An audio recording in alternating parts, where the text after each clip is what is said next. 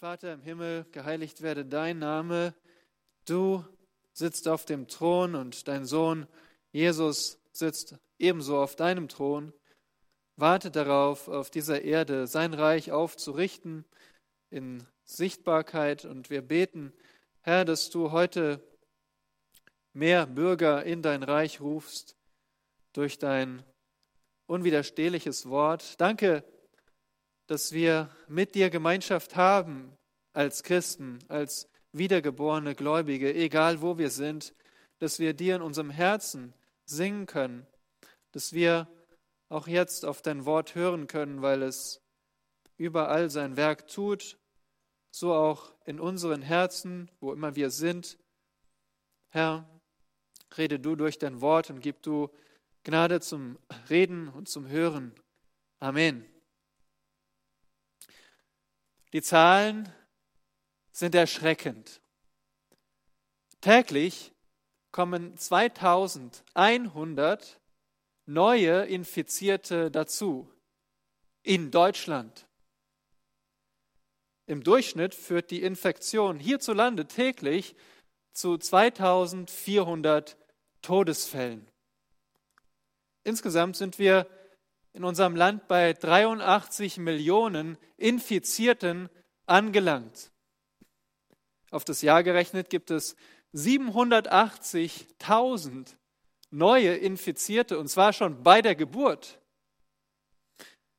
Das Schlimme dabei ist, die Medizin hat kein Heilmittel gefunden. Jährlich sterben in unserem Land 900.000 Menschen an diesem Virus. Die Sterberate liegt momentan bei 100.000 Einwohnern von 100.000 Einwohnern. Das sind 100 Prozent. Nun, sicher fragst du dich jetzt nach der Quelle meiner Zahlen. Diese Zahlen hören wir nicht in den Nachrichten. Ich spreche auch gar nicht von Corona. Ich spreche von einem anderen Virus, mit dem Namen Hamatia, zu Deutsch Sünde. Vor Corona können wir uns schützen, aber von der Sünde sind wir alle infiziert. Denn alle haben gesündigt und verfehlen die Herrlichkeit, die sie vor Gott haben sollten. Römer 3, Vers 23. Von Corona kann man sich erholen, aber an der Sünde sterben wir ausnahmslos alle. Alle gehen an denselben Ort. Alles ist aus dem Staub geworden und alles kehrt auch wieder zum Staub zurück. Prediger Kapitel 3, Vers 20. Corona führt bekanntlich zur Erkrankung der Atemwege. Die Sünde führt zum Herzversagen. Unser geistiges Herz lehnt Gott als König ab und sagt, mein Wille geschehe. So lehrt uns Gott durch die Bibel, dass wir also alle ausnahmslos von den ersten Sündern Adam und Eva abstammen. Dass wir alle selbst Sünder sind und dass wir alle an der Sünde sterben müssen.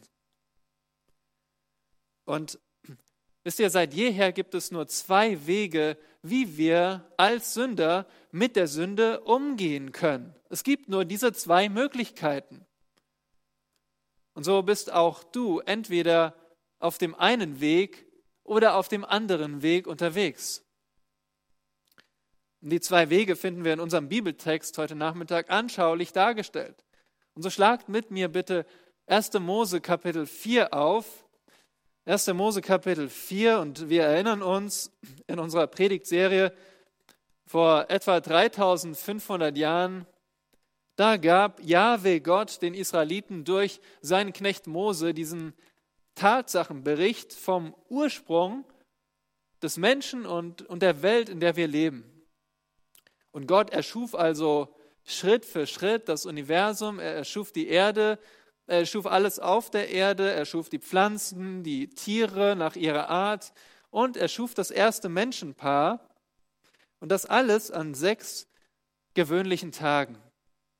Am Ende konnte Gott nur feststellen, dass alles sehr gut war. In Kapitel 1, Vers 31. Und auch das zweite Kapitel zeigt uns die Schöpfung. Da gibt es den Bericht von dem sechsten Schöpfungstag. Aber die Tragödie beginnt in Kapitel 3, als Eva, die erste Frau, sich durch Satan, einen gefallenen Engel, verleiten lässt, von der verbotenen Frucht zu essen. Auch ihr Ehemann Adam, er bekam die Frucht gereicht und er widersetzte sich dem Gebot Gottes und er aß und sündigte. Und beide wurden augenblicklich von Gott getrennt. Sofort plagt sie ihre große Schuld vor Gott. Und Jahwe spricht den rechtmäßigen Fluch aus über Adam und Eva. Aber äh, Gott verschweigt nicht die Hoffnung auf einen zukünftigen Erlöser aus dem Fluch. Und Adam und Eva werden von Gott auf gnädige Weise bekleidet und dann schließlich aus dem Garten Eden vertrieben.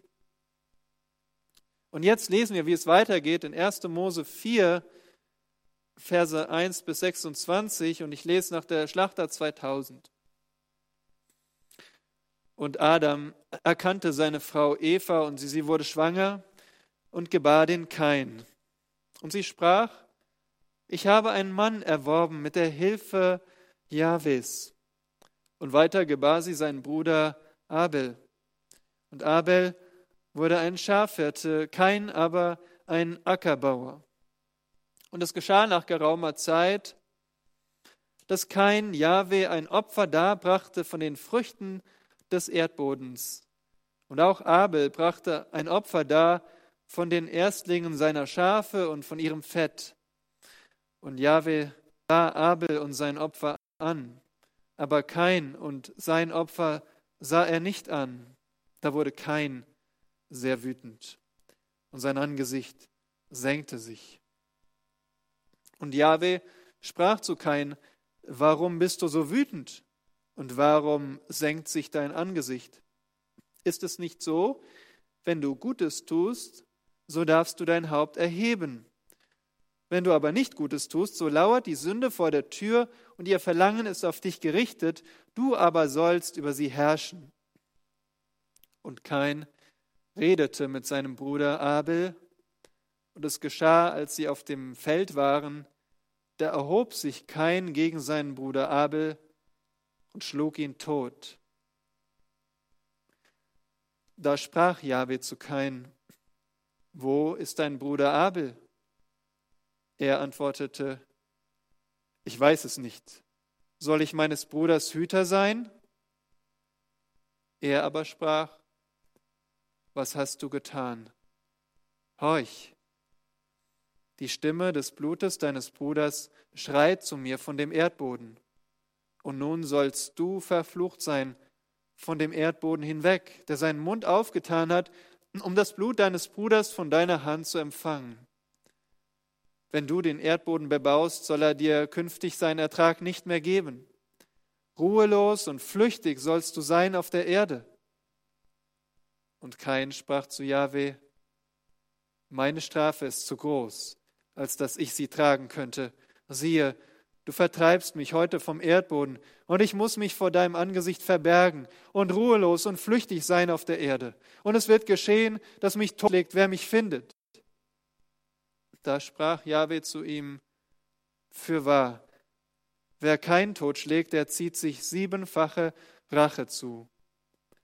Und Jahwe gab kein ein Zeichen, damit ihn niemand erschlage, wenn er ihn fände. Und Kain ging hinweg von dem Angesicht Jahwes und wohnte im Land Not östlich von Eden. Und Kain erkannte seine Frau, die wurde schwanger und gebar den Henok. Und er baute eine Stadt und nannte sie nach dem Namen seines Sohnes Henok. Dem Henok aber wurde Irat geboren, und Irat zeugte Mehujael, Mehujael zeugte Methusael, und Methusael zeugte Lamech. Lamech aber nahm sich zwei Frauen. Die eine hieß Ada, die andere Zilla.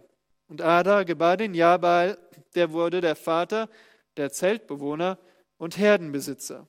Und sein Bruder hieß Jubal, der wurde der Vater aller Hafen- und Flötenspieler.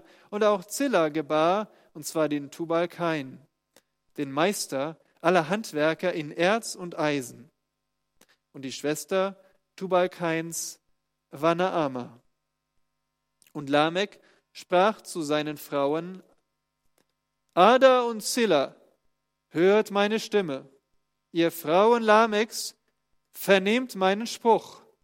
Einen Mann erschlug ich, weil er mich verwundet, einen jungen Mann, weil er mich geschlagen hat. Denn kein wird siebenfach gerecht, Lamech aber siebenundsiebzigfach. Und Adam erkannte seine Frau nochmals. Die gebar einen Sohn und nannte ihn Seth. Denn Gott hat mir vor Abel einen anderen Samen gesetzt, weil kein ihn umgebracht hat. Und auch dem Seth wurde ein Sohn geboren, den nannte er Enosch. Damals fing man an, den Namen Jahwes anzurufen.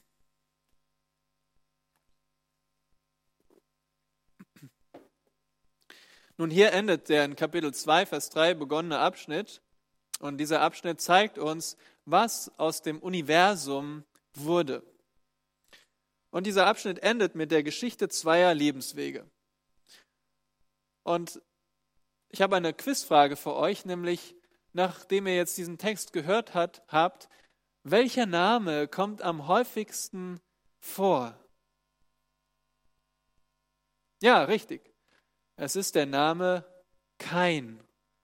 Und er kommt ganze 16 Mal vor.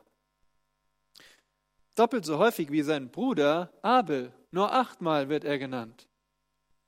Und so fokussiert sich diese Geschichte auf einen Protagonisten, auf die Person des Kain. Kain und seinen Weg. Es ist der Weg des Kain. So nennt ihn der Schreiber des Judasbriefs im Neuen Testament in Judas Vers 11. Aber was ist der Weg Keins? Nun, Keins Weg ist selbstbestimmt, nicht demütig. Sein Weg ist kreativ, nicht folgsam. Sein Weg ist revolutionär, nicht gehorsam. Sein Weg ist religiös, nicht gläubig. Sein Weg ist erfolgreich und nicht töricht. Sein Weg überlebt und stirbt nicht. Sein Weg ist ich-zentriert und nicht Gott-zentriert. Auf welchem Weg bist du unterwegs? Nimm diese Frage mit, wenn wir uns jetzt der Absicht, wenn wir der Absicht des Autoren folgen und uns auf den Weg des Ungläubigen konzentrieren in diesem Kapitel. Und vielleicht hält dir diese Beschreibung auch den Spiegel vor, dann wende dich vom Unglauben ab. Vielleicht schreckt dich aber auch dieser Lebenswandel ab, weil du ihn von Herzen ablehnst. Dann nimm diese Warnung, diese Abschreckung auf und werde neu entschlossen, den Weg des Glaubens zu gehen. Und so achten wir gemeinsam auf fünf Abschreckungen vor dem Weg des Ungläubigen, damit du den Weg des Glaubens wählst. Nun, was ist die erste Abschreckung vor dem Weg des Ungläubigen? Der Ungläubige verfehlt die Beziehung zu Gott. In Versen 1 bis 5 sehen wir, der Ungläubige verfehlt die Beziehung zu Gott. In den ersten fünf Versen lernen wir das erste Bruderpaar kennen. Und bald wird deutlich, diese zwei Brüder, die sind, die sind ein Gegensatz.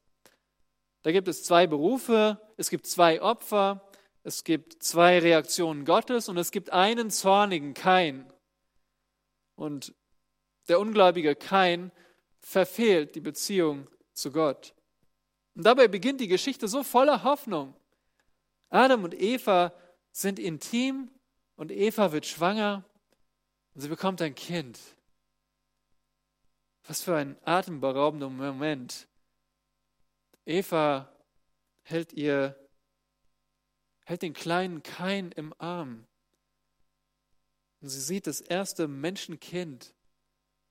Und sie fasst das Wunder hier in ihre Worte in 4, Vers 1. Ich habe einen Mann erworben mit der Hilfe Jahwes. Und dabei macht sie ein Wortspiel. Sie sagt, ich habe den Kain erworben, Kainiti. Jahwe, der treue Gott, hatte doch ein Ende des Fluchs versprochen und, und sie schaut auf ihren, auf ihren Sohn und, und hat die Hoffnung, dass auch ihr Sohn einen Beitrag daran hat, dass der Fluch umgekehrt wird. Und weiter es in Vers 2. Adam und Eva bekommen auch einen weiteren Sohn, nämlich sein Bruder Abel. Ist euch aufgefallen, wie häufig Abel Bruder genannt wird? Nun, wer von euch hat, hat einen Bruder? Ich selbst habe einen Bruder. Und trotz mancher Konflikte ist es ein Geschenk Gottes, einen Bruder zu haben. Und gerade den Israeliten muss das Wort Bruder aufgefallen sein, weil im Gesetz Moses wird der, der Mit-Israelit wird Bruder genannt. Nicht nur der leibliche Bruder, sondern auch die anderen Israeliten sind die Brüder gewesen, mit denen man gelebt hat. Keins Bruder heißt Abel und sein Name bedeutet Hauch oder Nichtigkeit. Und vielleicht verbanden die Eltern mit Abels zartem und wundersamen Hauch ihres Babys diesen Namen. Ein Menschenkind, das atmet, das haucht. Aber wenn wir weiterlesen und die Geschichte sehen, dann sehen wir, dass dieser Name Abel auch seinen Lebensweg vorzeichnet, nämlich einen Weg der Nichtigkeit. Nun, über Kain und Abels Entwicklung erfahren wir nur das Nötigste. Beide erlernen zwei bodenständige Berufe im wahrsten Sinne des Wortes. Kain wird ein Bauer, so wie sein Vater Adam, und Abel wird Hirte. Und zwar ein Hirte für kleines Vieh, also für Schafe oder auch Ziegen. Und beide Berufe sind äh, eindeutig wichtig für Nahrung und für Kleidung. Nun, wir machen einen weiteren Zeitsprung in Vers 3 und sehen, wie Kain und Abel Jahwe ein Opfer darbringen. Kain und Abel, die sind im gläubigen Elternhaus aufgewachsen. Sie haben viel von Jahwe gehört. Und möglicherweise ist gerade Erntesaison und jeder der beiden opfert Jahwe von seinen eigenen Erzeugnissen. Kain opfert Früchte des Erdbodens, also seine Ernte. Vielleicht brachte er Gemüse dar oder Getreide. Und Abel opfert, ihr seht es hier in Vers 4, von den Erstlingen seiner Schafe, von den Erstlingen seiner Schafe und von ihrem Fett. Nun, Gottes Reaktion fällt sehr unterschiedlich aus. Da heißt es, und Jahwe sah Abel und sein Opfer an, Vers 4. Und wir fragen uns, wie äußerte sich das, dass Jahwe das eine Opfer angenommen hat? Und vielleicht schickte Gott Feuer vom Himmel auf das, auf das Opfer herab und, das eine Opfer brannte und das andere blieb einfach, wie es war. Und wir wissen es nicht, aber eindeutig war diese Reaktion für die beiden sehr deutlich. Und sie wussten, Yahweh hat mein Opfer angenommen oder Yahweh hat mein Opfer nicht angenommen. Nun, die Frage, die euch wahrscheinlich jetzt beschäftigt, ist, warum nahm Jahwe das Opfer des Kain nicht an? Achten wir nochmal genau auf den Text. Wir wollen immer gut beobachten und den, den Text in seine Einzelteile aufteilen. Schaut mal in Vers 4 am Ende. Und Jahwe sah Abel und sein Opfer an aber Kain und sein Opfer sah er nicht an. Das heißt, habt ihr es bemerkt, Gott achtet auf beides. Er achtet zum einen auf den Geber, aber auch auf die Gabe.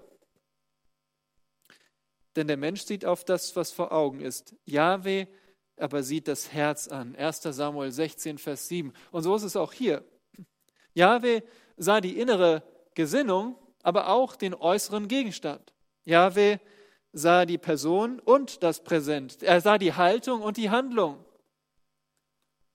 Aber was war denn die einzig richtige Herzenshaltung, die für Gott annehmbar war? Nun, hier hilft uns der Schreiber des Hebräerbriefs. Lasst mal euren Finger in 1. Mose Kapitel 4 und schlagt mal mit mir auf Hebräer Kapitel 11, Vers 4. Hebräer 11, Vers 4. In der Ahnenreihe der Gläubigen taucht Abel ganz am Anfang auf. Hebräer 11, Vers 4 sagt, durch Glauben brachte Abel Gott ein besseres Opfer dar als kein. Durch ihn erhielt er das Zeugnis, dass er gerecht sei, indem er Gott, indem Gott über seine Gaben Zeugnis ablegte, und durch ihn redet er noch, obwohl er gestorben ist.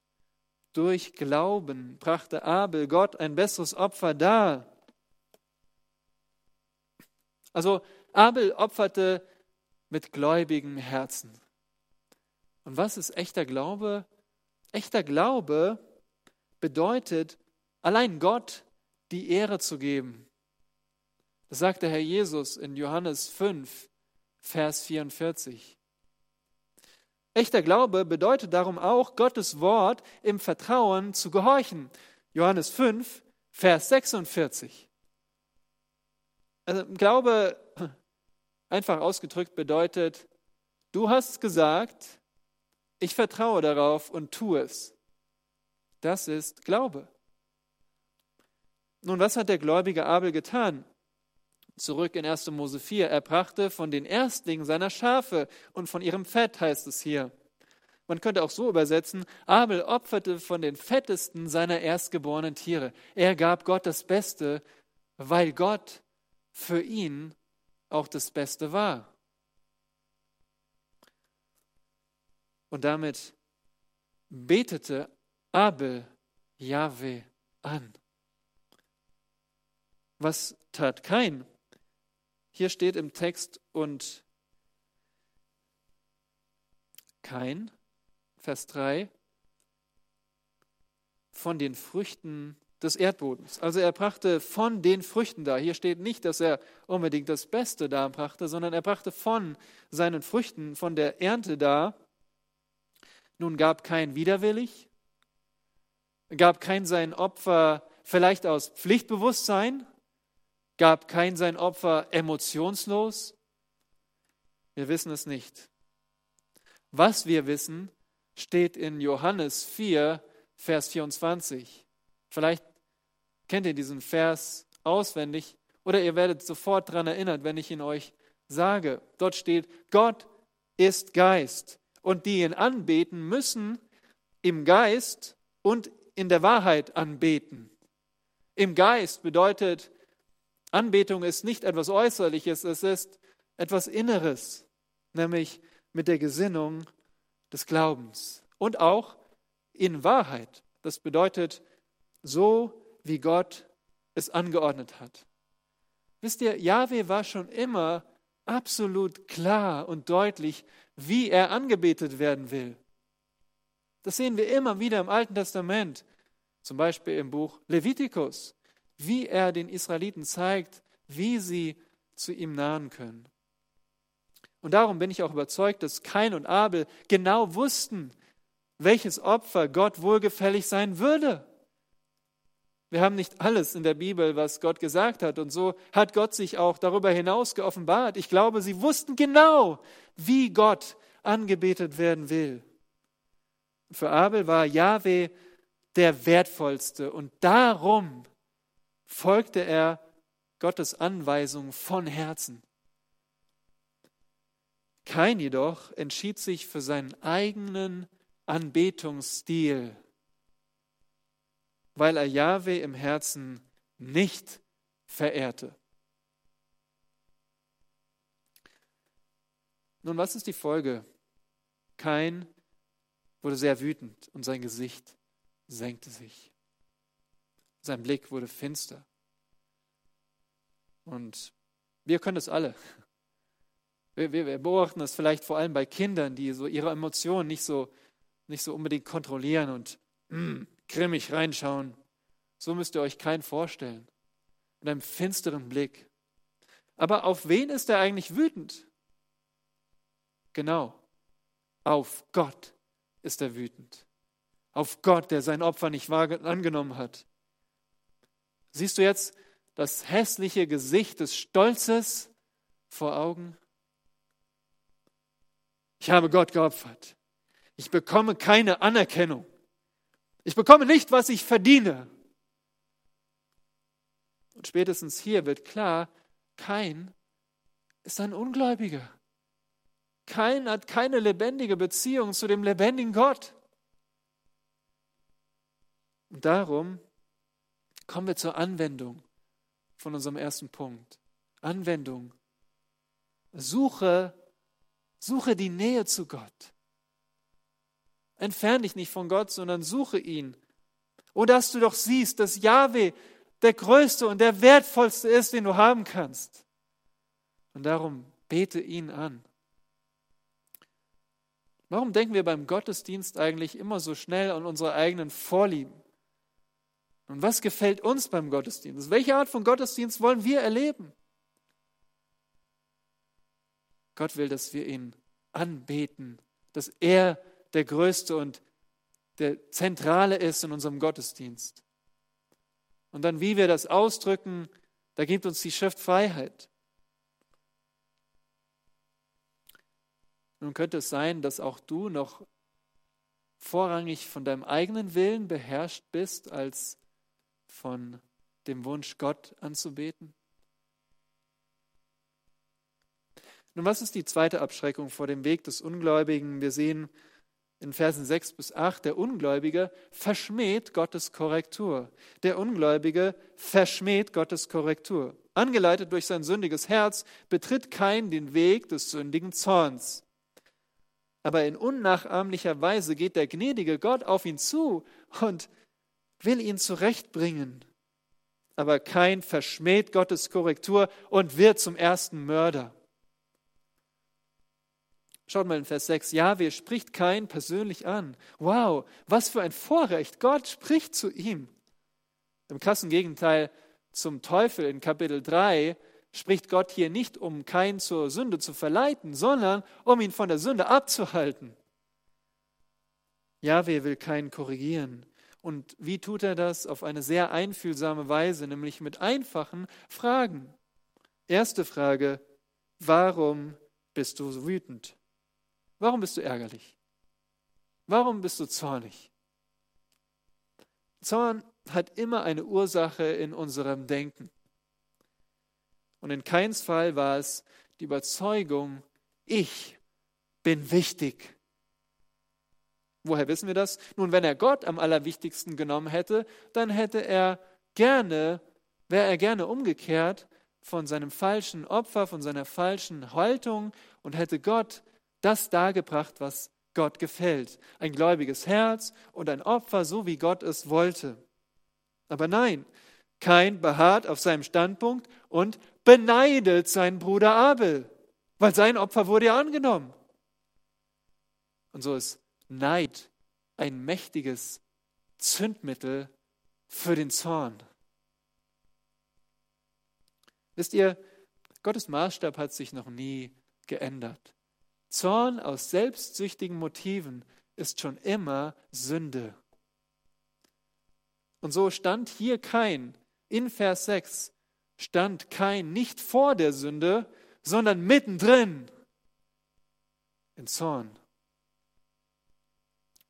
Zweite Frage.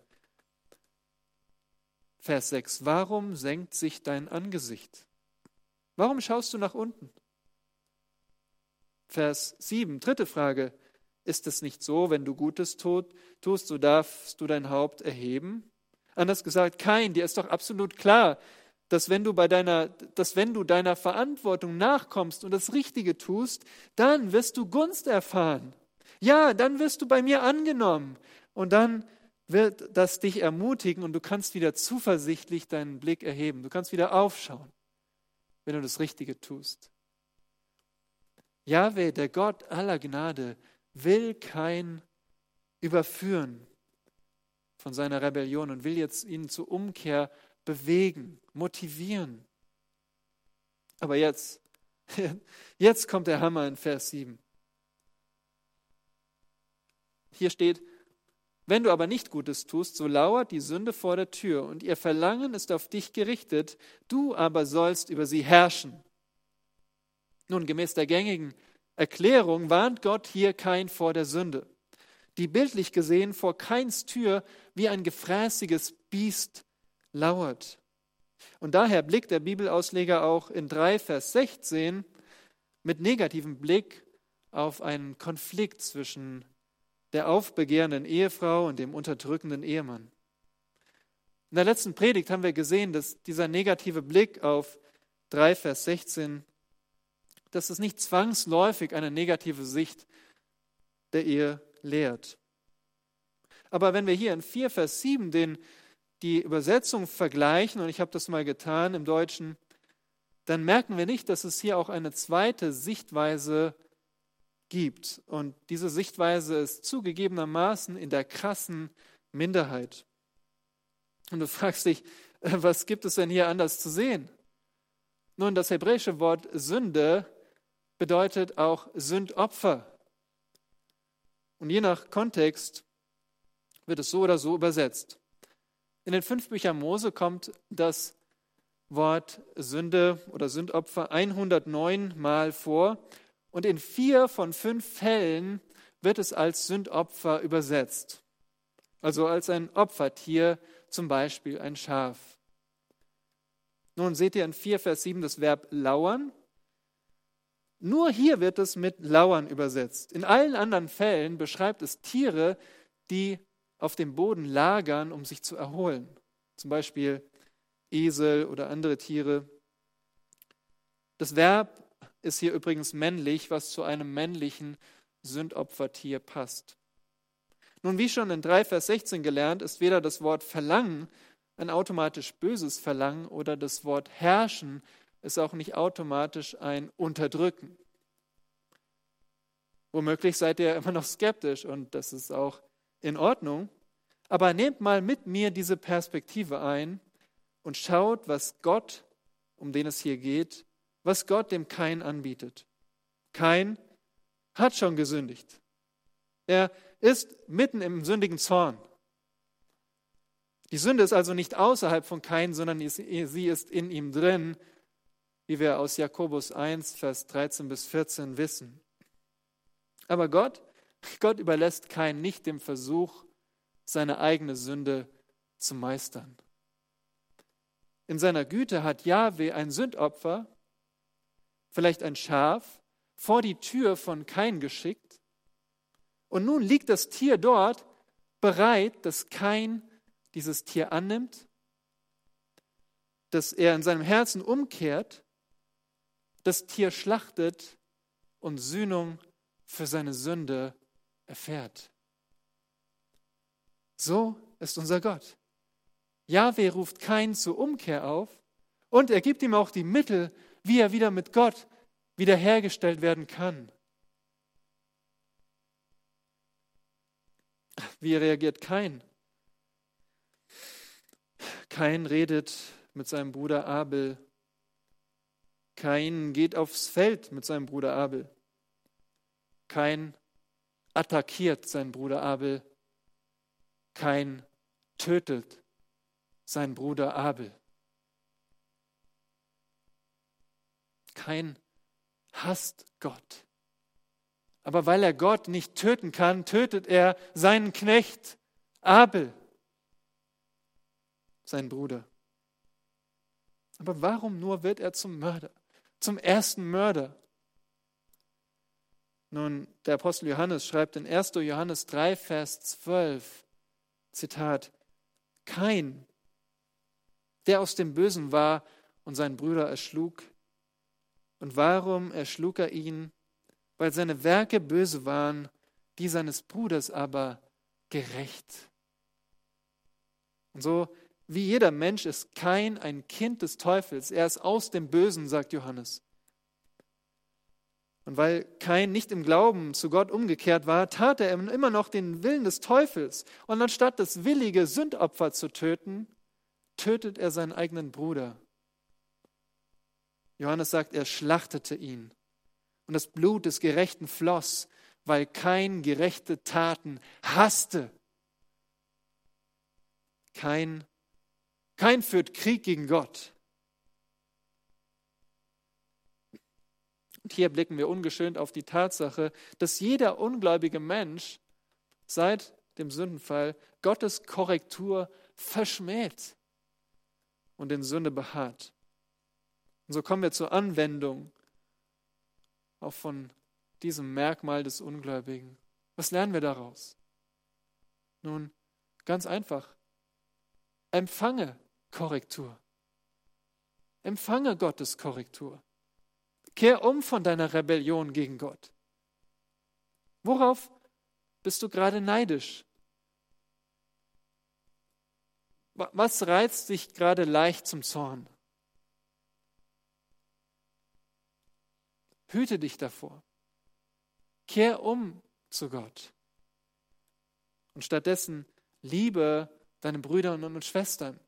Ja, deine Brüder und Schwestern zu Hause, wenn du noch jung bist und deine Geschwister zu Hause sind oder deine Geschwister sind auch schon erwachsen, dann liebe sie trotzdem noch. Liebe deine Brüder und Schwestern in der Gemeinde, statt sie zu beneiden.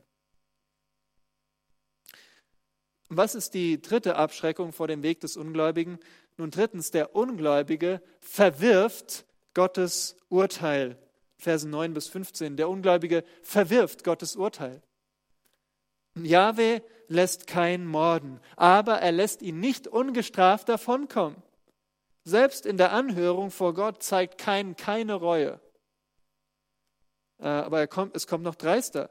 Er verwirft Gottes Urteil. Aber Gottes Reaktion, die wird uns überraschen. Und so schaut mit mir auf Vers 9. Jahwe spricht zu Kain, wo ist dein Bruder Abel? Woran, woran erinnert euch diese Frage? Ja, ja, genau. Sie erinnert euch an Kapitel 3, Vers 9, wo Gott fragt, wo bist du, Adam? Und wir erinnern uns, Gott Gott war nicht kurzsichtig, sondern Gott wollte, dass, dass Adam kommt und, und seine Sünde bekennt, dass er sagt, warum er sich versteckt. Und genauso ist es hier auch. Gott gibt die Einladung an Kain, dass er bekennt, dass er seinen Bruder umgebracht hat. Selbst Kain bekommt die Chance zum Bekennen. Aber was tut er? Hört selbst. Ich weiß es nicht. Soll ich meines Bruders Hüter sein? Wisst ihr, was Kain hier tut? Er lügt nicht nur Gott ins Angesicht. Nein, Kain verurteilt Gott für seine Frage. Soll ich der Hüter meines Bruders sein? Mein Bruder ist doch selbst Hüter von Beruf, Schafhüter. Soll ich den Hüter hüten? Gott, was fällt dir ein, mich so etwas zu fragen? Oh, was für eine skrupellose Frechheit von Kain. Wie schon seine Eltern leugnet Kain jede Verantwortung, aber im Gegensatz zu Adam und Eva gibt er nicht mal sein Vergehen zu. Und Jahwes Antwort, was hast du getan? Abel ist tot, niemand war dabei, aber das Blut schreit zu Jahwe. Hört ihr den schrillen verzweifelten Schrei einer verängstigten Person. Hört ihr das? Genauso war es für Gott. So nimmt Gott diesen Mord wahr. Und übrigens trifft es auf jeden ungeklärten Mord in dieser Welt zu. Die Polizei tappt im Dunkeln, zig Fälle ungeklärt, warum Menschen ermordet wurden. Aber für Gott ist alles klar. Gott, Gott sieht, wer der Mörder ist. Ob er noch lebt, ob er tot ist. Und so wird Gott auch jeden Mörder zur Rechenschaft ziehen. Er ist der Rächer. Und er urteilt. Was ist Jahwes Urteil über Kain? Schaut in Vers 11. Und nun sollst du verflucht sein. Und das ist noch eine schärfere Stufe als bei Adam. Wir erinnern uns, wer wurde bei Adam verflucht? Ja, der Erdboden wurde verflucht. Aber hier wird die Person des Kain verflucht. Und wie wirkt sich dieser Fluch aus? Nun, wo immer Kain hinkommt, um den Boden zu bearbeiten, da wird er erfolglos bleiben. Keine Ernte und kein Essen. Und so ist Kain mit einem Mal seinen Beruf los und im selben Moment auch obdachlos. Denn Gott sagt, er muss umherwandern. Sein eigener Hunger wird ihn, wird ihn immer zur Wanderschaft zwingen. Gottes Fluch macht keinen zum chronischen Flüchtling. Etwas, was wir als Sesshafte nicht so nachempfinden können, aber wir haben Flüchtlinge, die unter uns wohnen oder Flüchtlinge, die mittlerweile, die immer noch unterwegs sind, die, die in Zelten wohnen, in Lagern wohnen, kein Zuhause haben in dem Sinne, losgelöst sind, ohne ihre Zugehörigkeit. So würde kein sein. Wie reagiert kein? Dämmert ihm endlich die Schwere seiner Schuld? Untersucht mal Vers 13 bis 14 und achtet mal darauf, wie häufig kein von sich selbst spricht. Meine Strafe ist zu groß, als dass ich sie tragen könnte. Siehe, du vertreibst mich heute vom Erdboden und ich muss mich vor deinem Angesicht verbergen und ruhelos und flüchtig sein auf der Erde. Und es wird geschehen, dass mich totschlägt, wer mich findet. Wie häufig er auf sich konzentriert ist. Das ist keine Betroffenheit. Das ist keine Reue. Das ist einfach nur purer Protest. Gott, meine Strafe ist absolut untragbar. Nun, wie hättest du an Gottes Stelle diesen Rebellen behandelt? Wärst du in irgendeiner Weise auf ihn eingegangen? Hättest du auf ihn gehört? Genau das macht Jahwe. Schaut in Vers 15. Kein ist wie jeder Sünder von Anfang an verdorben. Adam und Eva sündigen, sofort waren sie verdorben, waren ihre Kinder verdorben. Kein, was macht er? Er hat Angst. Er hat Angst vor jemandem, der ihn findet und ihn erschlägt. Nun, wer lebt zu dieser Zeit? Nur Nachkommen von Adam und Eva, seine Brüder, seine Schwestern, seine Verwandten, vor denen hat er Angst, dass sie ihn umbringen. Und das Leben ohne Gott ist ein Leben in Angst. Aber Yahweh geht aber doch auf ihn ein und schaut in Vers 15, er, was macht Gott? Er gibt ihm ein Zeichen. Wir fragen uns, was ist das für ein Zeichen? Nun, wir kennen das heute genauso. Zeichen. Ihr, ihr kennt doch diese Flaschen, Ihr habt, ihr habt diese Flasche und ihr seht dieses rote Viereck da drauf. Rotes Viereck und ein Totenkopf drin. Und sofort wisst ihr, okay, diese Flasche muss ich mit Vorsicht behandeln, weil der Inhalt ist nämlich giftig. Warnsymbole. So funktioniert das auch beim knallroten Erdbeerfröschchen. Das knallrote Erdbeerfröschchen ist wirklich knallrot und Fressfeinde sind sofort gewarnt, wenn ich das esse, dann ist das mein Tod. Nun, was war das Zeichen an Kain? Wir wissen es nicht genau. Aber fest steht, jeder wusste sofort, wenn ich ihn anrühre, dann bedeutet das Rache.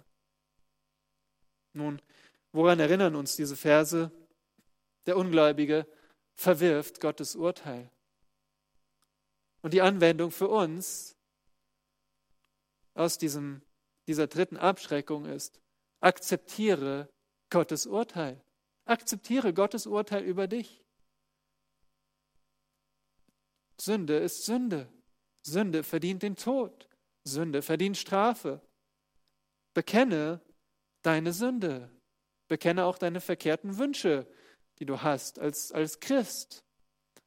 Nenne sie beim Namen und suche Freiheit von deiner Schuld durch den Tod Jesu, weil er anstelle von unseren verkehrten Wünschen und unseren sündigen Taten gestorben ist. Nun, was ist die vierte Abschreckung vor dem Weg des Ungläubigen? Die vierte Abschreckung lautet, der Ungläubige vervielfältigt die Gottlosigkeit. Der Ungläubige vervielfältigt die Gottlosigkeit und das sehen wir in Versen 16 bis 24.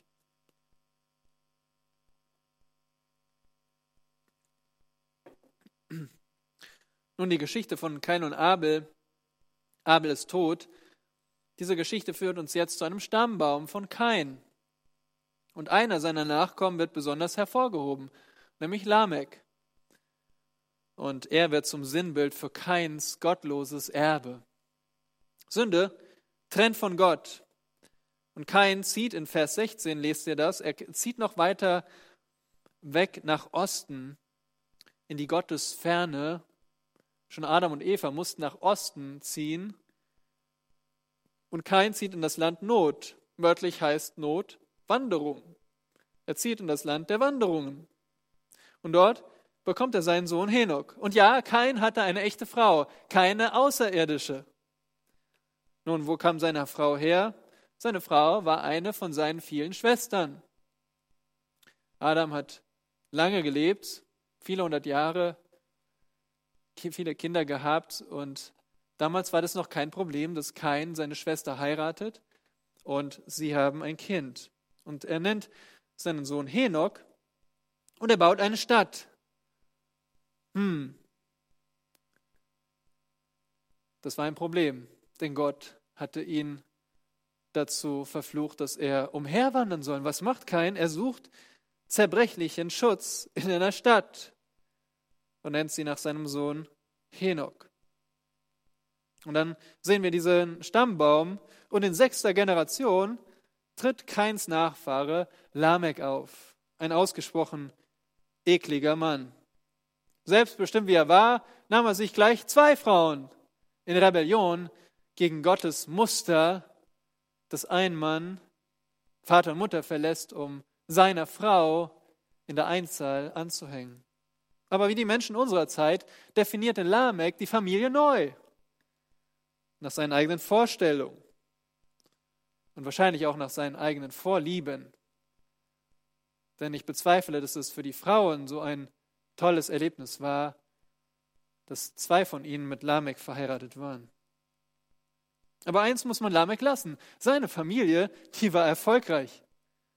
Sein Sohn Jabal war ein Pionier der Zeltbewohner und Herdenzüchter, also jemand, der es verstand, auch größere Tiere zu züchten, so zum Beispiel Esel oder Kamele. Sein Sohn Jubal der war der Star der Musikindustrie. Er war der Vater aller Hafen- und Flötenspieler, heißt es in Vers 21. Und dann sein dritter Sohn, Tubal Kain, der war echt ein Genie. Er war ein Genie der Schwermetallindustrie und als Meisterschmied von Bronze und Eisen bekannt. Nun, das hier ist alles nur keine Steinzeit. Das hier ist eine frühe städtische Hochkultur par excellence. Und diese Menschen sind intelligent. Und was machen sie? Sie finden intelligente Wege, um die Folgen des Fluchs zu minimieren, zu mindern. Wir könnten uns fragen, ja, ist das jetzt sündig? Ist Technologie sündig? Ist es sündig, Handwerk zu betreiben oder Werkzeuge zu, herzustellen? Nein. Erfindung und Technik sind nicht dem Wesen nach böse, aber es kommt immer darauf an, zu welchem Zweck man es gebraucht. Momentan kennen, es viele von euch im Homeoffice zu arbeiten und ihr habt euren Laptop vor euch und ihr könnt also sozusagen vom Schlafzimmer direkt ins Arbeitszimmer stolpern Und ihr macht euren Laptop an und ihr loggt euch ein und ihr könnt zugreifen auf verschiedene Bereiche eurer Arbeit. Und so könnte auch jemand von zu Hause auch aus Versorgungen planen. Versorgung, dass wir genug zu essen haben, dass wir, dass die Regale in den, in den ähm, Supermärkten voll sind, dass dort die Artikel nicht aus sind. Nein, da muss man planen, da muss man die LKWs planen, Logistik und so könnte jemand von zu Hause aus das planen, was uns allen zugutekommt. Aber mit demselben Laptop könnte einer hingehen und geheime Anschläge planen. Meinetwegen Anschläge auf Transport-LKWs. Und so seht ihr, dass es letztendlich darauf ankommt, zu welchem Zweck und zu welchem Ziel ich Technologie einsetze. Der Makel an Keins Stammbaum ist nicht die Anwesenheit von technischem Fortschritt, sondern die Abwesenheit von Anbetung Gottes. Und Jahwe spielt in ihrem Leben offensichtlich keine Rolle. Dafür geht es um das eigene Ich. So wie bei Lamek in seinem Song vom Niveau eines Gangster-Rappers. Ada und Zilla, hört meine Stimme. Ihr Frauen Lameks, vernehmt meinen Spruch. Ein Mann erschlug ich, weil er mich verwundet, ein junger Mann, weil er mich erschlagen hat, geschlagen hat. Denn kein wird siebenfach gerecht, Lamek aber 77-fach. Schon damals war Gewaltverherrlichung offensichtlich angesagt in den Medien. Und Lamek verkehrt diesen Schutz Gottes für Kain mit der siebenfachen Rache, wir erinnern uns, Lamek verkehrt diesen Schutz in eine abstoßende Verachtung menschlichen Lebens. Und damit endet Kains Geschichte. Kain floh vor Gott, er vererbt seine Gottlosigkeit an die nächsten Generationen und sie vervielfältigen das. Nun, kennen wir das irgendwoher? Erinnern wir uns, dieser, dieser Text wurde zuerst den Israeliten gegeben, als sie vielleicht auf dem Weg waren schon nach Kanaan und die Israeliten erkannten in der Familie Kains die Kanaaniter wieder und sind gewarnt. Aber auch unsere Gesellschaft ist dem Wesen nach kainitisch. Menschliches Leben wird auch bei uns verachtet. In Deutschland werden jährlich über 100.000 Babys abgetrieben. Nun rechnen wir das mal auf Januar bis April, dann wären der Statistik nach schon 300.000 Babys gestorben. Das ist siebenmal mehr als durch Corona. Verachtung des menschlichen Lebens. Auch die Familie wird neu definiert. Längst ist ja Familie nicht mehr Mann und Frau. Und so kommen wir zur Anwendung von dieser, dieser Abschreckung. Investiere in eine gottesfürchtige Familie. Bitte investiere deine Mühe in eine gottesfürchtige Familie.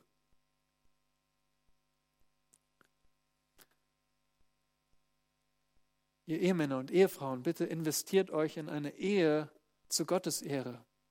Investiert als Eltern in, in gottesfürchtige Kinder, indem ihr sie immer wieder auf Gottes Wort hinweist,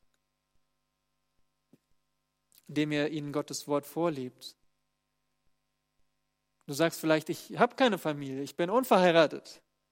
Ich sage dir genauso, investiere in eine gottesfürchtige Familie. Nein, du musst nicht sofort heiraten. Du hast eine Familie. Du bist Teil der Familie Gottes. Die Gemeinde ist eine gottesfürchtige Familie. Und sie wird noch gottesfürchtiger, wenn du, sich, du dich in sie investierst. Passe dich nicht der Welt an, dem Druck der kainitischen Kultur und erwarte aber auch den Widerstand und gehässige Verfolgung durch Ungläubige, die Abel erlebte. Nun, was ist die fünfte und letzte Abschreckung vor dem Weg des Ungläubigen? Wir haben noch zwei Verse und da sehen wir, der Ungläubige verpasst den Sinn des Lebens. Der Ungläubige verpasst den Sinn des Lebens. Und so endet dieser Abschnitt mit einem Lichtblick. Es gibt doch noch Menschen. Es gibt sie noch. Menschen, die Jahwe anbeten und ihm glauben. Und das ist der Sinn des Lebens, den kein verpasst hat. Bei Vers 25, da fühlen wir uns irgendwie zurückversetzt an den Anfang. Und Adam erkannte seine Frau nochmals. Wie wenn man auf Neustart klickt.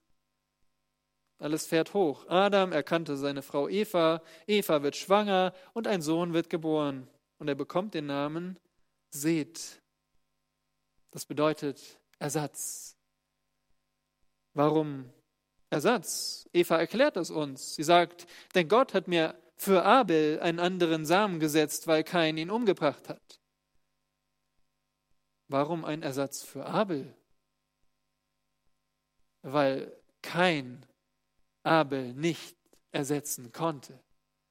Kein war ein Ungläubiger, kein war ein ungerechter Mann. Aber Gott setzt mit Seth einen Ersatz für den gerechten Abel. Und Jahwe schenkt einen, einen neuen gerechten Menschen, der jetzt das Erbe des Glaubens weiterträgt. Und Seth wird auch Vater und bekommt den Enosh, ein Name, der schlicht Mensch bedeutet. Und so bildet der allerletzte Satz hier den Höhepunkt. Damals fing man an, den Namen Jahwes anzurufen. Eine geistliche Erweckung.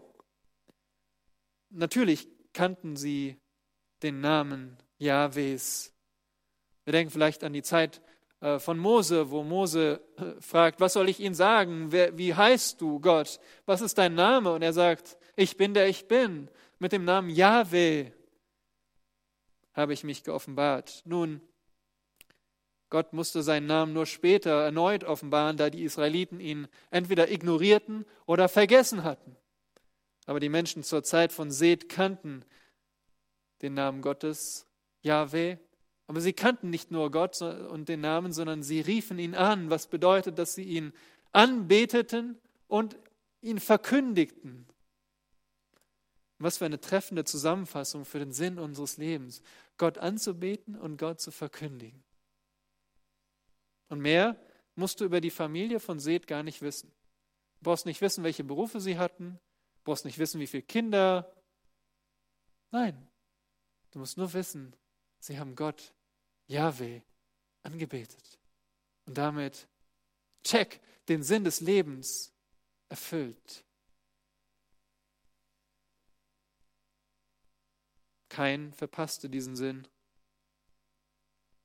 Er war kein Ersatz für Abel. Und das Tragische ist, jeder ungläubige Mensch verpasst den Sinn des Lebens. Wofür lebst du?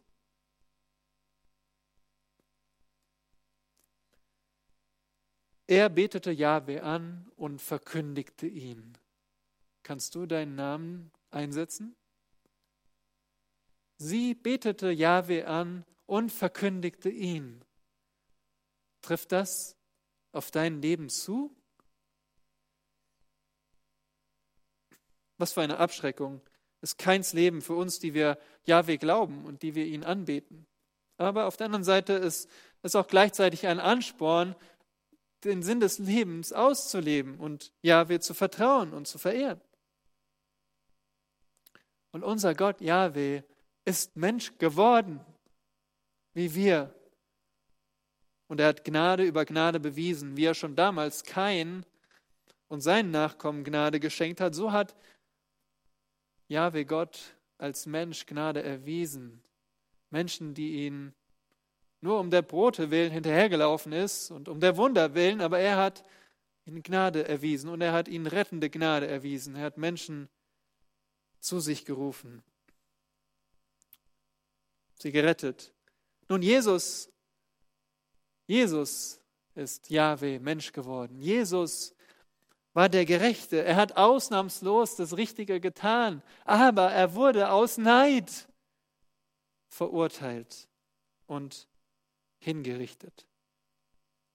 Und Jesu Blut floss am Kreuz hinab Aber wisst ihr was? Jesu Blut schreit nicht, nicht mehr gegen uns,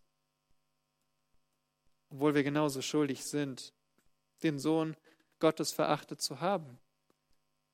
In Hebräer 12, Vers 24 wird Jesus der Mittler des neuen Bundes genannt und sein Blut der Besprengung redet Besseres als das Blut Abels.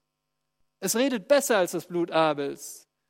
Das Blut Abels schreite gegen Kain, aber das Blut Jesu redet Vergebung für uns, die wir glauben.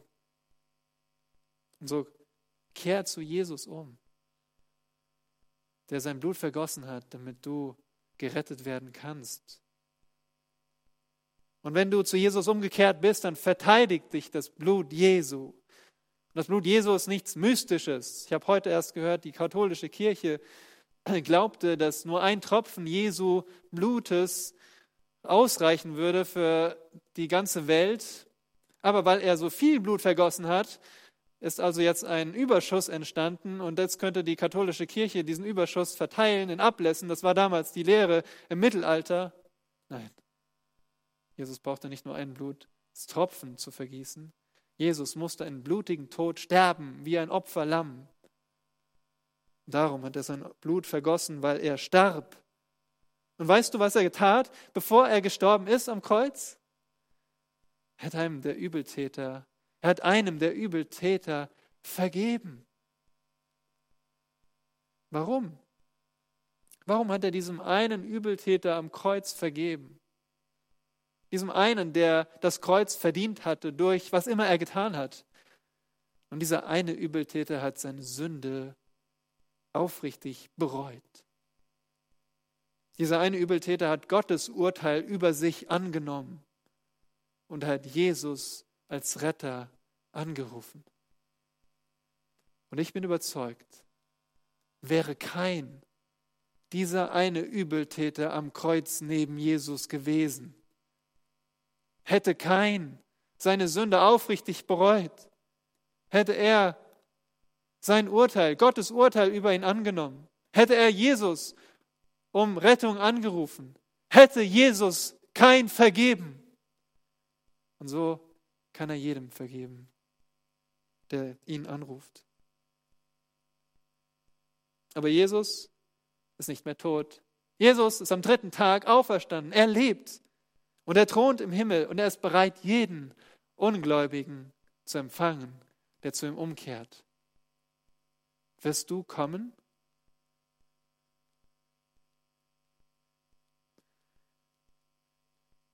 Vater Gott im Himmel, danke für dein Sohn, dass du ihn gesandt hast, damit Sünder und ungläubige Menschen umkehren und Versöhnung empfangen, Vergebung bekommen. Danke, dass das immer noch gilt und danke, dass kein Sünder zu sündig ist, um gerettet zu werden. Danke, dass du genauso mit genauso noch größerer Liebe auf deine Kinder schaust, auf Abel und seine gläubigen Schwestern. Mögen wir wie Abel sein, dass wir dich verehren als das Wertvollste und Größte, was wir haben, dass wir dir vertrauen, auch wenn sich der Hass und Neid von Ungläubigen gegen uns richtet, dass wir willig sind, selbst in den Tod zu gehen für dich, dass wir dir vertrauen, dass dein Blut für uns spricht und wir darum ewig mit dir in einer Welt leben werden, auf, dieser, auf der neuen Erde, wo wir, wo wir Wonne und Freude und ein ewiges Erbe erleben. Bitte rufe du heute Menschen zu dir, die nicht dazu gehören, dass sie umkehren, glauben und zu einem Leben der Anbetung Gottes verändert werden. Wir beten dies im Namen Jesu. Amen.